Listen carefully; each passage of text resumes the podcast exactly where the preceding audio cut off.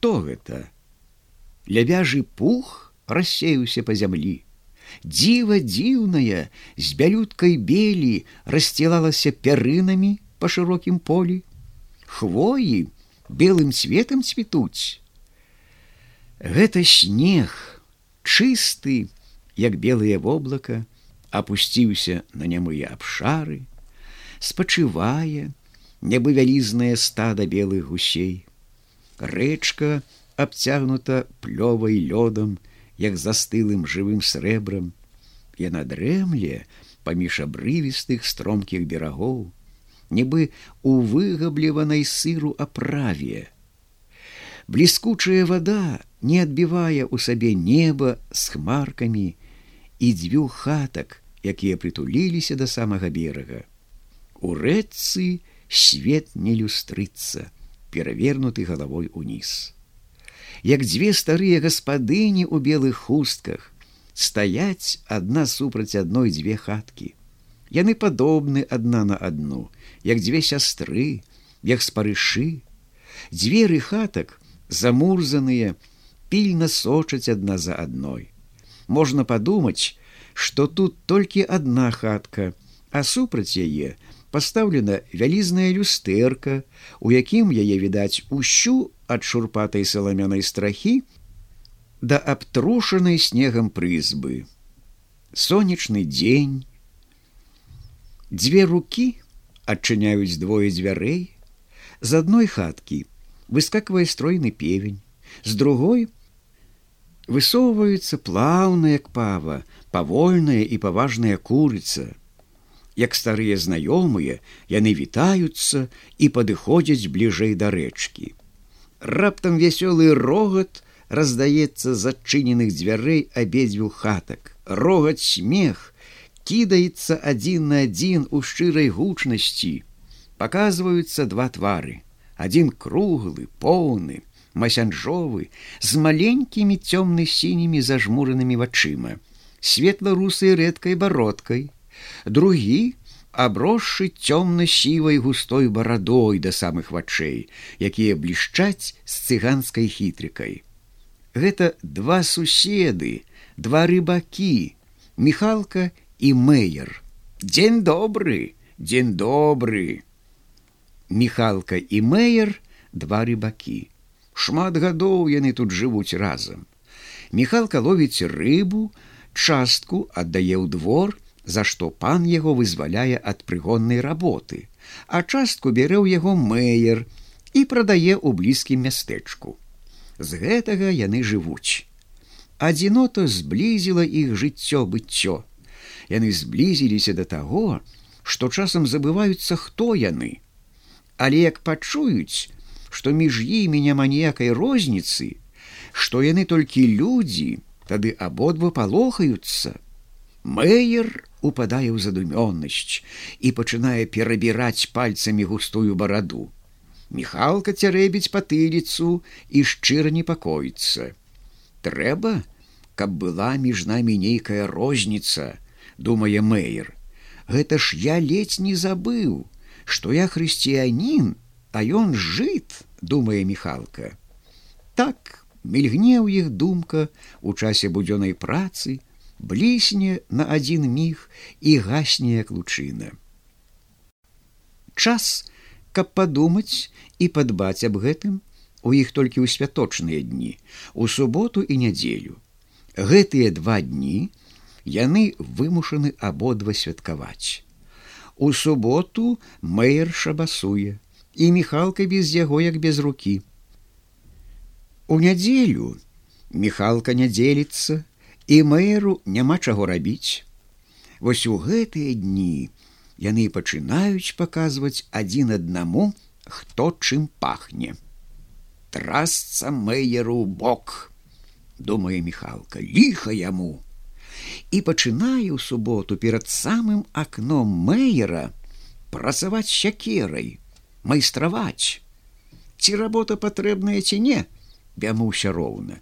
трэба толькі рабіць садом, каб паказаць розніцу між ім і мэйерам, каб апаганіць яму шабас. Мэйер моліцца Богу, адварочваецца да сцяны, затыкае вушы, каб не атрэфіць свой шабасавы слых стукатам грукатам паганага міхалкі. І ў душы радуецца той помсце, якая чакае заўтра суседа.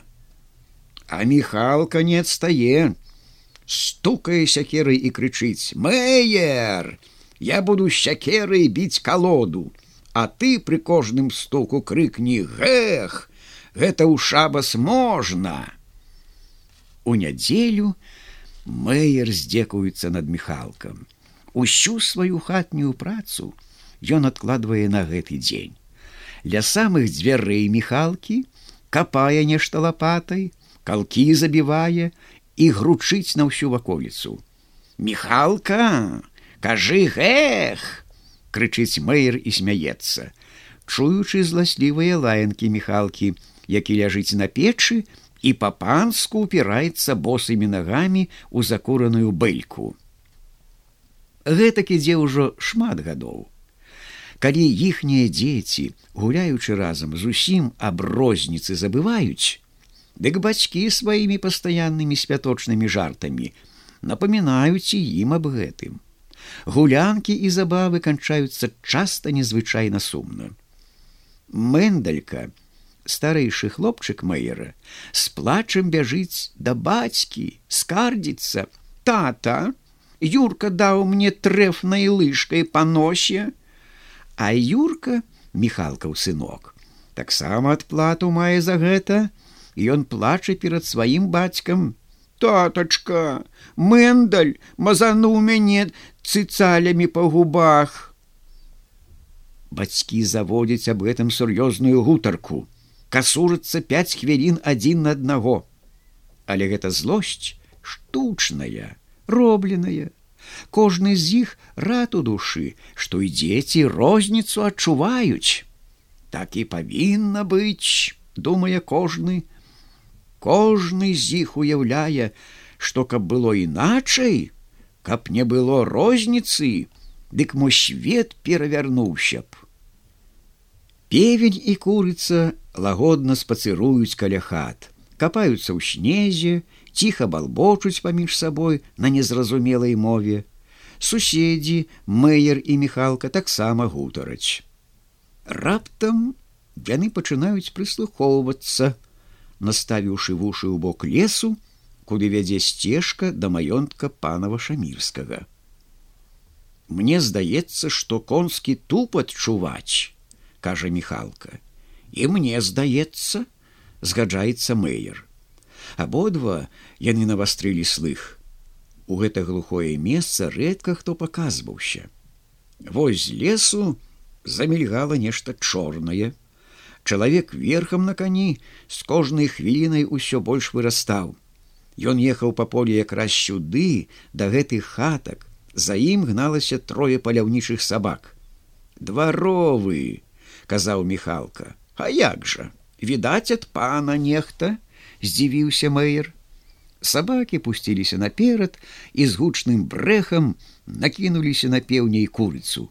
Тыя ледзь выратаваліся ад іх ускочыўшы на плот адтуль на нізкі дах міхалкавай хаты.